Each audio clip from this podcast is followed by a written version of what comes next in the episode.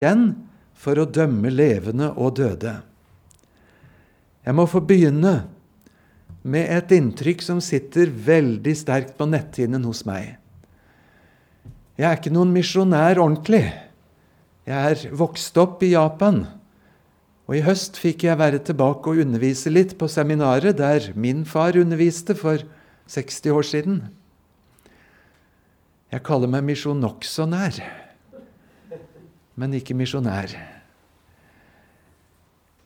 Jeg gikk mange turer på den gravlunden som er bare tre kvartaler ifra seminar og bibelskolen. En blir tankefull av å gå på en gravlund, gjør man ikke? Og lese på gravsteinene. Men én ting er i Norge, hvor de fleste har et korssymbol. Hvordan er det i Japan? Det var buddhistsymboler på nesten hver eneste grav. Det var tomme hender rettet ut i det store intet. Er du der, du som kan møte oss? Og så klarte jeg til slutt å finne et sted med et kristent kors. Men det pussige var at det var kors på den ene siden av søyla, men på de andre tre sidene så var det andre symboler, tydelig buddhistiske, og noen andre symboler. Og så spurte jeg mine japanske venner er det uttrykk for en delt familie, hvor noen er død i kristen tro og andre i buddhisme og forskjellig. Å nei, sa de, det er nok ikke så. Men de prøver å helgardere. Hvem det er som møter på den andre siden, vet vi ikke, men hit legger vi våre kjære i en grav eller i en urne. Og enten det er Buddha, eller det er shintoistiske ånder, eller om det er en annen guddom eller den kristne Gud, så la de det ene symbolet oppå det andre på gravstedet, så får vi håpe at noen kan ta vel imot. Kjenner du sårheten og sorgen? I forhold til å kunne si med Guds ord 'Jeg vet hvem jeg tror på', og jeg er fullt viss på at Han eller 'Jeg er oppstandelsen og livet'. Disse ordene som bærer gjennom døden. Så når vi skal snakke om livets to utganger, så har jeg i mitt hode med en oppvekst der 99,5% av folket ikke er kristne. Og faktisk i hele sin levetid aldri kanskje har møtt et kristent menneske som formidlet veien til tro. Og så er det et ansvar å leve. Og så har vi vår hverdag i Norge, og så har de det utover jord, til de mange unådde. La oss først begynne med begrepet dom, dømme, dommer. Jeg satte meg og begynte å telle fra bibelordbok og på databibelen. Jeg fant at i norsk bibel så er de ordene brukt 508 ganger. I tillegg så kommer ord som domstol og bedømme, fordømme og en rekke andre ord. At dommen hører Herren til, og hevnen hører Herren til, det lyder som et refreng fra side 1 og til den siste siden i Bibelen. Herren alene. Han styrer alene, og han er dommer og skal møte menneskene som en dommer. Nå er det noen ganger i Bibelen en klang i det ordet 'dommer' som ikke bare er negativt. Kanskje tenker vi på Dommernes bok i Bibelen. Og Der får vi høre om en mørk tid av Israels historie. Men så reiste Herren opp en dommer, og så ble det en slags orden. Istedenfor anarki, istedenfor et land som falt fra hverandre, hvor hver var sin lykkes med, og hver måtte ha en øks stående bak døra for å ta imot ubudne gjester, så sto det fram en dommer som kunne vise en retning. Og så kunne det bli i beste fall hva vi ville si en rettsstat. Og vi gjør vel i å tenke over den klangen av ordet dommer, at det er også den som er de svakes forsvarer, og som har tyngde og myndighet til å kunne sette en stopper der urett og krenkelser rår.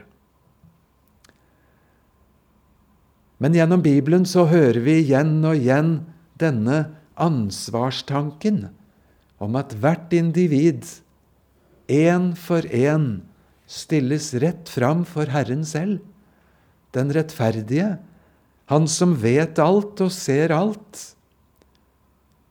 Og så kjenner vi på vår egen syndighet og ønske om å kunne gjemme oss unna, eller bedre, kjenne en stedfortreder.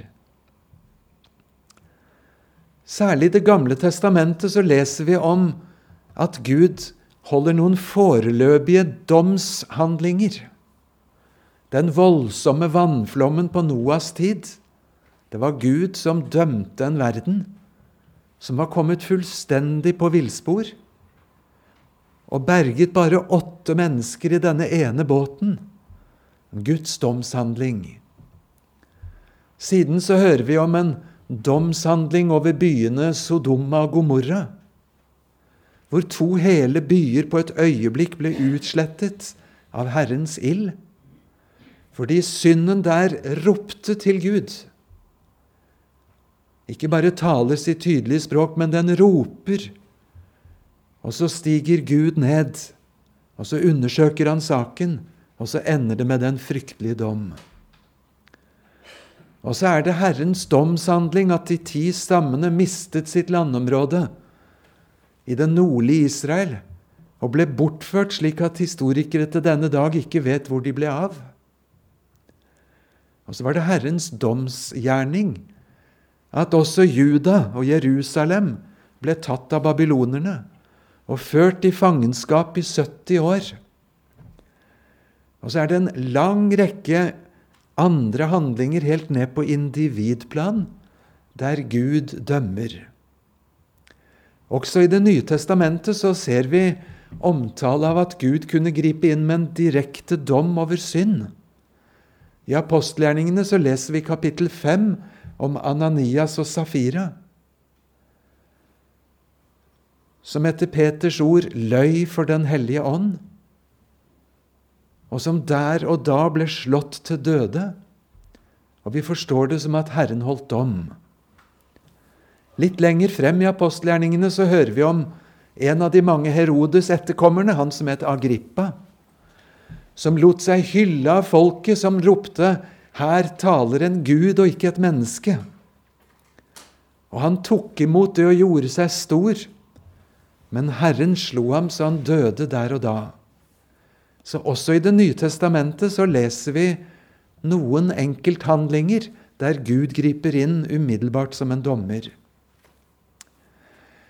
Men stadig oftere gjennom Bibelen og det aller meste av dommen i Det nye testamentet, den peker fram mot den siste dom, den som skal skje innenfor Guds trone etter at Herren er kommet tilbake igjen. Når alle mennesker skal ut av grav, ut av havet, hvor de måtte være, og stilles frem én for én.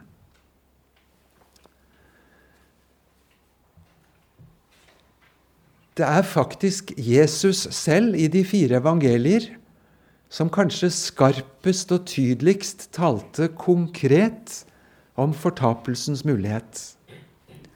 Selve ordet 'helvete' er brukt tolv ganger i Bibelen. Elleve av de gangene er det fra Jesu egen munn. Den tolvte gangen er i Jakobs brev, hvor han skriver om tungen vår som kan sette en verden i brann, men den er selv satt i brann, dypest sett ifra helvete, skriver Jakobs brev. Men altså, den stemmen i vår store bibel som konkret og detaljert taler om helvete, det er Jesus, elleve av tolv ganger. Det greske ordet 'gehenna' har noen gjort et nummer av at det betyr jo ikke noe annet enn den skråningen eller dalføret utafor Jerusalem som de kalte Hinnoms dal, og som på Jesu tid var i bruk som en søppelplass. Og det er for så vidt et poeng i det. Men det er en forhistorie fra Det gamle testamentet, for det var der de ugudelige kongene rigget et alter, hvor de til og med brakte barneoffer. På Jesaja sin tid, selv en av kongene i Jerusalem, som lot sin egen sønn dø som en offergave til en hedensk guddom i Hinnomsdal. Det ble et så skittent og mørkt sted at 700 år etterpå var det bare en søppelplass. Det var ikke noe sted man hørte til. Men når Jesus taler, så er det et alvor over dette, hvor det ikke bare er en postadresse som for tiden er i bruk som en søppelplass. For til dere, mine venner, sier jeg, frykt ikke for dem som slår legemet i hjel, og deretter ikke kan gjøre mer. Jeg skal vise dere hvem dere skal frykte. Frykt for ham som har makt til å slå i hjel, og til deretter å kaste i helvete. Ja, sier jeg dere, ham skal dere frykte. Dette er Lukas 12, vers 4 og 5. Og så legger Jesus noe til. Han sier, Selges ikke fem spurver for to skilling? Ikke én av dem er glemt hos Gud. Til og med hvert hår dere har på hodet, er tellet. Frykt ikke, dere er mer enn mange spurver. Men det er et alvor her. Hvem er ikke redd for døden? Og så sier Jesus, det var vel ikke egentlig noen sånn virkelig grunn for frykt? Spar frykten til ham som først har makt over dette liv, og deretter over evigheten vår. Ja, ham skal dere frykte. Og dette er ifra Jesu munn. Det er ikke fra Det gamle testamentet, slik noen kanskje av og til vil ha det, eller ifra en eller annen av Kirkens strenge apostler. Vår milde Jesus er også han som talte rett ut her til sine venner om dette alvoret. Og det var jo Jesus som talte den lignelsen som kanskje sterkest av alle roper til oss om fortapelsens fryktelige gru om den rike mann og Lasarus. Kontrasten her i livet med den rike manns luksus og Lasarus sin elendighet. Men begge dør. Og så snus rollene fullstendig på hodet. Og så forteller Jesus i lignelsen hvordan fortvilelsen og resignasjonen griper den rike mann. Og så spør han først etter om Lasarus kunne komme og dyppe fingeren i vann så han kunne svale tungen, for pinens skyld. Når han resignerer på det, så spør han kan du ikke sende Lasarus tilbake til brødrene, for jeg har fem brødre, så de må advare så ikke de havner samme sted som jeg. Og så svarer Abraham på Guds vegne, de har Moses og profetene, de får høre dem. Nei, hvem bryr seg om Moses og profetene? Nei, men hvis noen står opp fra de døde, da vil de vende om, trodde den rike mannen. Tenk vel omtrent sånn markedsføring som noen hver ellers kunne tenke. Men Gud taler gjennom Abraham og sier nei.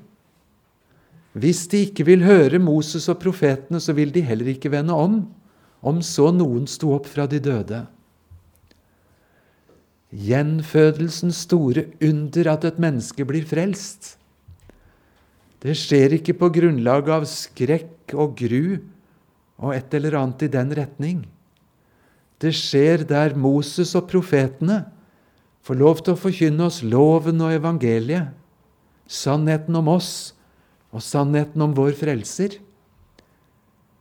Og så er det en sterk henstilling til deg og meg vi som spør hvordan kan vi nå folka rundt oss, de som ser ut til å ikke bry seg om evigheten og Gud. Og vi kunne komme på tanker av all verdens markedsføring og påfunn for liksom å få folk i tale. Og så har vi Herrens eget svar om at det er Moses og profetene, Guds eget ord, det er det som virkelig gjør forskjell, og som endrer livsbane.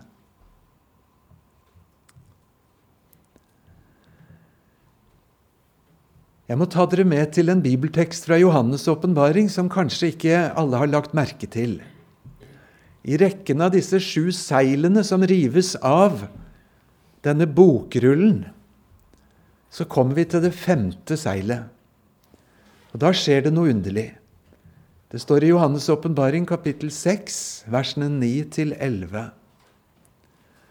Da lammet åpnet det femte seilet, så så jeg under alteret deres sjeler, som var blitt slått i hjel for Guds ords skyld, og på grunn av det vitnesbyrdet som de hadde. De ropte med høy røst og sa, Herre, du hellige og sannferdige, hvor lenge skal det vare før du holder dom og hevner vårt blod på dem som bor på jorden? Og så får vi himmelens svar. Det ble gitt hver av dem en lang, hvit kappe. Og det ble sagt til dem at de skulle slå seg til tåls ennå en liten stund, inntil tallet på deres medtjenere og brødre var fullt, de som skulle bli slått i hjel liksom de selv. Var ikke det en underlig tekst? Johannes får se sjelene til martyrene. De befinner seg hos Gud, helt tett inntil Herren under alteret. Men hva var det de ba om? Hvor lenge skal det vare før du holder dom? Kan du ikke skynde deg å holde dom, Gud? Og før du hevner vårt blod? Kanskje noen av oss rykker litt tilbake og sier, er det hevntanker de går med? Da må du legge merke til hva det står det står ikke 'når skal vi få hevne oss', men 'når skal du hevne vårt blod'? Når skal du sette en stopper for blodbadet? De synes å snakke som om Gud er litt for tålmodig. Litt for langmodig. Litt for velvillig til å vente på at nye skal vende om. Og så fortsetter blodbadet, og martyrtallet øker. Og så får de disse to underlige svarene. Det første var at hver av dem fikk en lang, hvit kappe. Og det vet vi fra Johannes' åpenbaring ellers at det er gaven, frelsens gave. Det er det som gjør en synder rettferdig for Gud, kledd i rettferdsdrakten. Derfor står de foran Guds trone, vasket hvit i lammets blod. Det var sånn martyrene også kom inn i Guds salighet. Men det andre svaret dere skal slå dere til tåls ennå en liten stund til tallet på deres medtjenere som skal bli slått i hjel, er fullt. På søndagsskolen så lærte vi en sang om at Jesus har en bok i himmelen, og snart er den full av navn. Her hører vi om en slags registrering hvor den allmektige Gud har på en måte satt et tall for antallet martyrer. Tallet var fremdeles ikke fullt. Det forteller oss om hvem det er som har kontrollen, hvem som har makten. Men hører du dette utålmodige ropet ifra dem som er ofre for maktmisbruk og kristenforfølgelse? Litt lenger fram i Johannes' åpenbaring så hører vi hvordan Gud dømmer først dyret, Antikrist, og så den store byen Babylon. Og når domshandlingene skjer, og Gud tar dem, da bryter det ut et mektig halleluja i himmelen. Husker de første gangene jeg leste det, føltes nesten, nesten upassende. At noen roper halleluja når Gud holder dom. Men det er ofrene som på vegne av potensielle ofre sier halleluja nå skal ikke lenger uretten få råde. Denne verdens fyrste er kastet ut, han er ikke lenger fyrste. Satan er Guds lenkehund, men en gang så skal han ikke engang få bjeffe, ikke skremme. Der er ingen territorium som er hans. Han er i arrest. Han er til slutt kastet i ildsjøen. Vi hører noe av dette allerede hos Jeremia. Det var tøft å være Jeremia som profet. Og Et sted i kapittel 15, vers 15, så sier Jeremia til Gud.: Vær ikke så sen til vrede at jeg blir revet bort. I 2011-bibelen står det noe i retning Vær ikke så tålmodig med dem at jeg blir borte. Guds tålmodighet er gode nyheter for syndere, og det er dårlige nyheter for ofrene. Guds dom er dårlig nytt for synderen men det er godt nytt for ofrene. Og Denne balansen mellom Guds tålmodighet for at noen til skal vende om, i forhold til Guds rettferdighet, som ikke ser på at Satan herjer, den følger oss gjennom hele Bibelen. Du husker kanskje hvordan Peter tar det opp i sitt andre brev, kapittel 3. Herren er ikke sen med løftet, sånn som noen regner det for treghet. Nei, han har tålmodighet med dere, for han vil ikke at noen skal gå fortapt, men at alle skal komme til omvendelse. Det er ikke treghet at det er gått 2000 år fra Jesus sa 'Jeg kommer snart', men det er tålmodighet. Og Gud har et helt annet oversyn enn oss på den ene siden med den urett som har vært og pågår, og på den annen side de som trengte tid å vende om for evig å frelses. I Guds eget hjerte så ligger disse to stemmene, så å si. Guds kjærlighet til syndere som gjør at han er tålmodig og venter og Guds rettferdighet, som ønsker rett og rettferdighet for alle mennesker. Og da må Satan og synden stanses. Og så er det en voldsom kamp. Jeg glemmer ikke når vi sto og Jeg hadde prøvd å undervise om dette på Fjellhaug, så spratt det helt spontant opp en, en av studentene våre som var over 60 år, litt uvanlig alder. Og han sa, 'Det Sverre sa nå, det er bare så sant', sa han. For hadde Jesus kommet tilbake for to år siden, så hadde jeg gått fortapt. Og så har Jesus venta så lenge at jeg ble frelst. Men så sa han, 'Jeg klarer ikke helt å be om at du må komme fort nå, Jesus.' For jeg har to sønner, og de er ikke frelst. Jeg traff han igjen et par år etterpå og spurte etter sønnen. Da sa han, 'Den ene er kommet.' den andre ikke. Jeg sliter fremdeles helt med å si 'Kom snart, Herre Jesus'. Og Det er jo det samme hjertet vi møter hos Gud. Herren er ikke treg, men han er tålmodig, langmodig, rik på miskunn. Tålmodigheten er godt nytt for synderen, dårlig nytt for offeret. Når dommen kommer, er det dårlig nytt for synderen, og godt nytt for ofrene, slik sett. For Guds hensikt er frelse. Det har vi ord for ord. Og jeg er så uendelig glad i 1. Timotius 2,4. Han som vil at alle mennesker skal bli frelst og lære sannheten å kjenne. Hvor mye av den kjærligheten du og jeg har, det kan variere. Det var ikke Jonas sin kjærlighet til folk i Ninive som skapte vekkelse i Ninive. Misjon det vokser ut av Guds hjerte.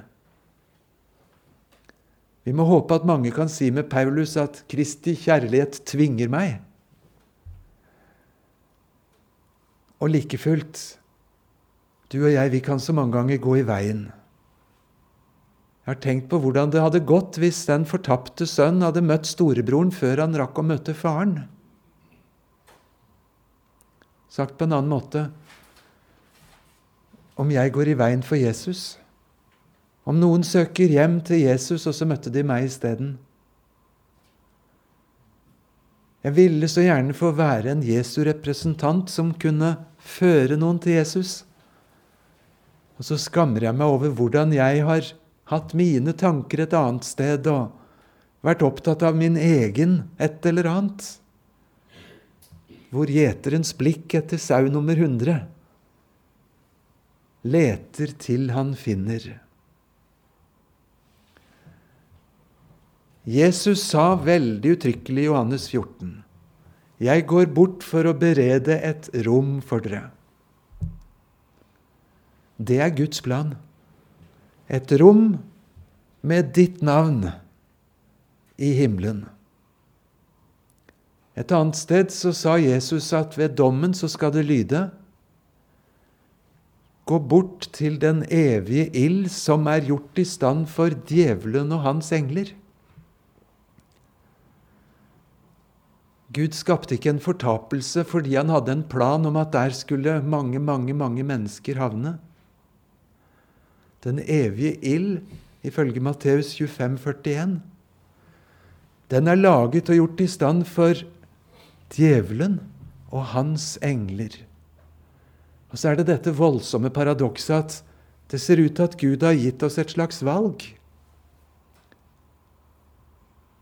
Og hvis da noen velger bort det rommet hos far, som Jesus gjør klart, og i stedet følger den ondes vei, så drar konsekvensen helt inn i en evighet. Men det var ikke Guds hensikt å skulle lage en evig ild for menneskene. For hans hensikt var å skulle frelse. Det norske ordet 'fortape' det er rett og slett konstruert med et ledd for å tape, miste, gå tapt. Fortapelse er at den synder som ikke tar imot frelsen hos Jesus, mister det evige livet. Men det er ikke bare den enkelte som mister det. Det er på en måte Gud også som mister. For han skapte oss med det mål og den hensikt og den vilje at alle mennesker skulle bli frelst. Bjerkreim sin fine sang Gud vil ikke miste en eneste en. Han alle vil eie og adle. For ham er hver sjel som en perlesten, hvis verd bare himmelen kan veie. Fra evige tider Gud tenkte på deg, det beste av alt har i tanke. Så må du ei si ham ditt harde nei når han på din hjertedør banker. Hører du perspektivet av at fortapelse Jo, det er at den enkelte taper det som var målet, det lyse målet.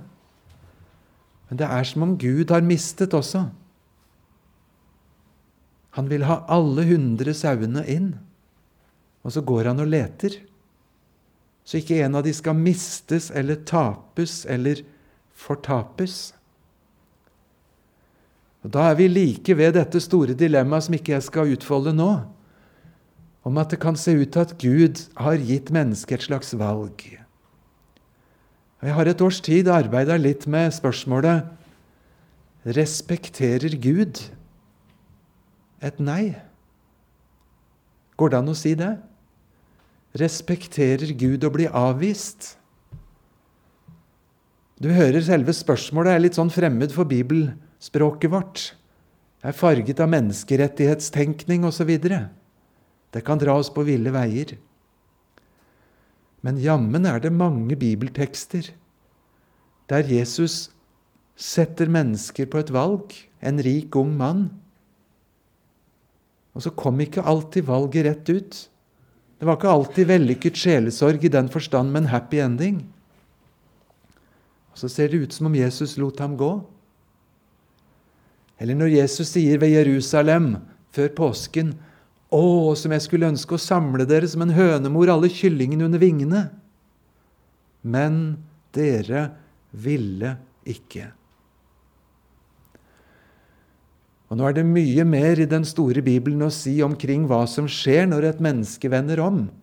Hva er Guds gjerning? Hva er menneskets valg og samtykke? Men hvis det var slik at alle ble frelst til slutt, hvilket bilde sitter vi da igjen med av Gud? At han høres ut som han gir alle en slags valgets mulighet, men så har han til slutt tenkt å manipulere alle sammen over på sin side. Hvilket menneskesyn vokser ut av den tanken at alle på et tidspunkt likevel blir frelst? Blir det et menneske skapt i Guds bilde, med det valget som er vårt ansvar, å søke å takke den gaven han gir?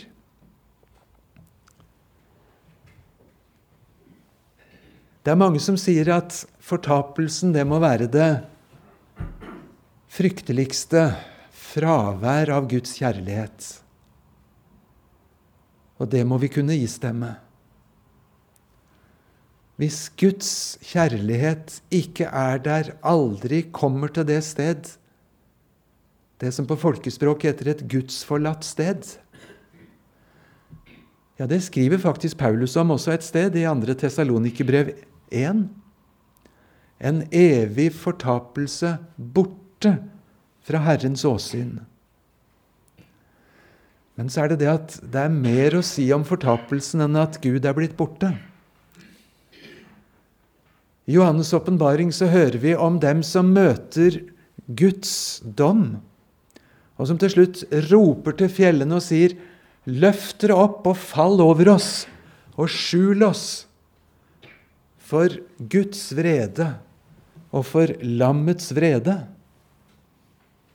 Konger og generaler som skulle ønske at de slapp å ha Gud så påtrengende nær. For deres synd hadde ingen stedfortreder. Ham hadde de avvist, og så måtte de selv stå levende for Gud. Det er forferdelig å falle i den levende Guds hender, står det i hebreerbrevet. Så fortapelsen både som et fravær av Guds kjærlighet, men enda mer intenst å stå der uten soning, uten dekke, uten en Jesus i møte med den hellige Gud. Derfor er det så mange sterke bibeltekster om Guds vrede. Ikke bare Guds fravær, men hans aktive vrede.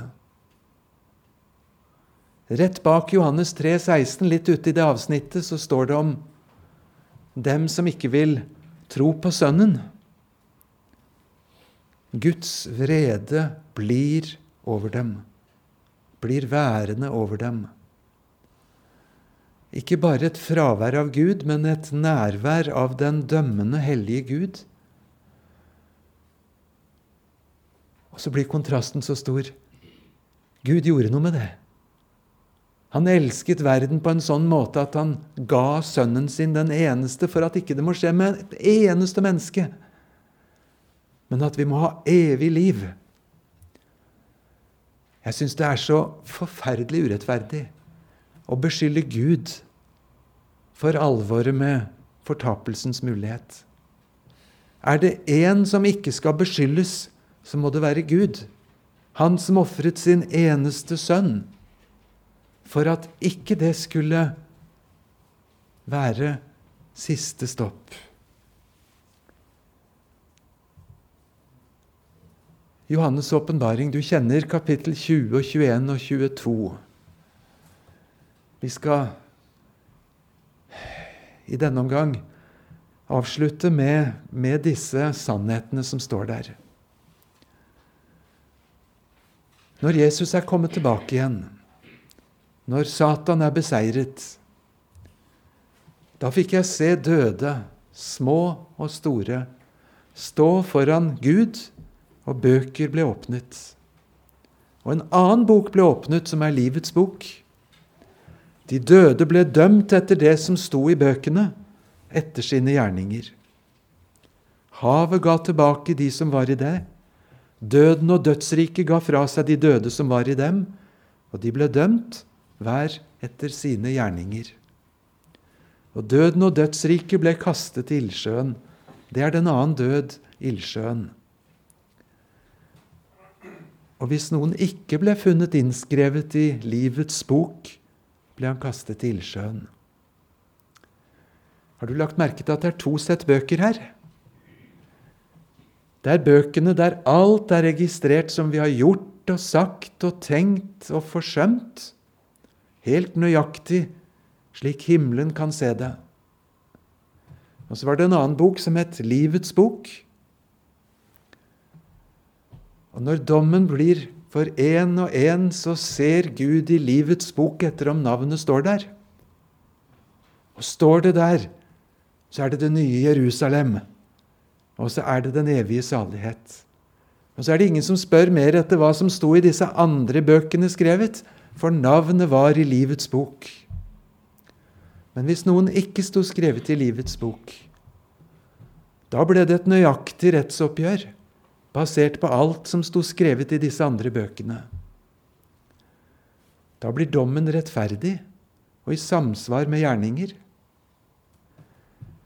Mens frelsen, den er av bare nåde. For jeg ble ført inn i livets bok ikke på grunn av alt jeg gjorde og fikk til, men for en annen sin gjerning. Jeg hadde en student som hadde bakgrunn fra islam og som ville skrive en større oppgave om eh, dommedag slik det presenteres i Koranen, sammenlignet med Bibelen. Og hun fant mange samsvar. Ifølge Koranen så er Allah allvitende, og han er rettferdig, og han er hellig. Og slik er det i Bibelen at Gud er allmektig, allvitende, rettferdig og hellig. Og Både Koranen og Bibelen sier at det kommer en regnskapsdag der ett og ett menneske skal fram. Og så brukte hun det bildet som islam alltid bruker om dette, med en god, gammeldags skålvekt. Noen husker kanskje det, at man kunne legge det du skulle veie i den ene skåla, og så forskjellige vektlodd i den andre. Til det gikk i balanse, så kunne du se nøyaktig hvor mange vektlodd det var, det som skulle veies.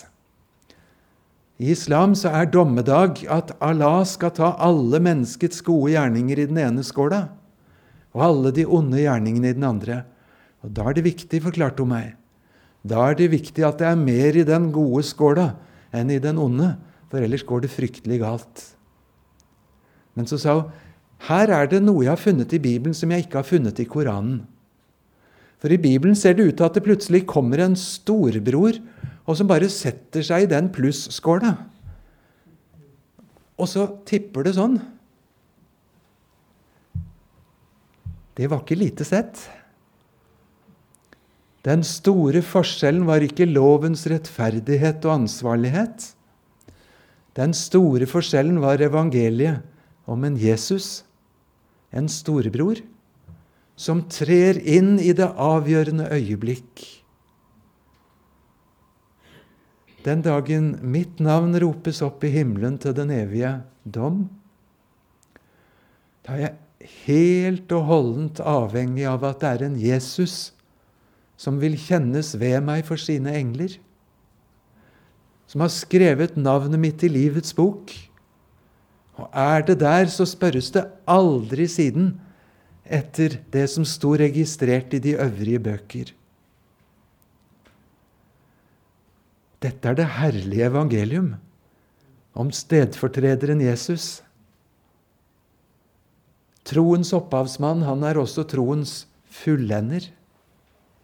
Han er dørvokteren som står ved den siste døra, og som kjenner sine, og som kan åpne døren så jeg får komme inn. Og så har de to siste kapitlene i Bibelen fantastiske bilder av det nye Jerusalem, av bruden, av paradiset, av gater av gull og denne byen, av livets tre og livets elv, og den umiddelbare nærheten til Gud, og hvor det ikke er noen ende, men en evig salighet. Men ikke mindre enn tre ganger i de to siste kapitlene så stanses det opp, og så står det noe om noen som var utenfor. Noen som ikke kom inn. Og Derfor slutter Johannes' åpenbaring ikke med et tilbakeblikk, men med et 'kom'. Ånden og bruden sier 'kom'. Den som hører det, skal si 'kom'. Og den som tørster, skal få lov til å komme og drikke av livets vann uforskyldt. For Bibelen henvender seg til dem som ennå lever, og som enda står ved disse veikryssene. Og helt til siste sekund så sier han 'kom'. Slik Jesus til sitt siste øyeblikk på korset var misjonæren som kunne åpne paradiset for en fortapt røver. Slik skal også endetidens kristne som fordyper seg i Johannes' åpenbaring, høre det siste ordet, og det er at da skal du også si 'kom'. Og den som tørster, skal få lov til å komme. Ånden og bruden sier 'kom', og så skal vi si 'kom'. Og så skal det lyde et 'kom' over verden. Så er det en ekstrem smerte knytta til det vi har snakka om. Helt på kanten av hva vi makter å snakke om en gang i dagslys. Hva kommer i mørket? Men livets bok Jesus som løser oss ut, og som kommer og sier 'Denne er min. Kom inn til min salighet'. Det må vi få lov til å holde fast ved for vårt hjerte. Og så må vi få sagt det på alle anledninger.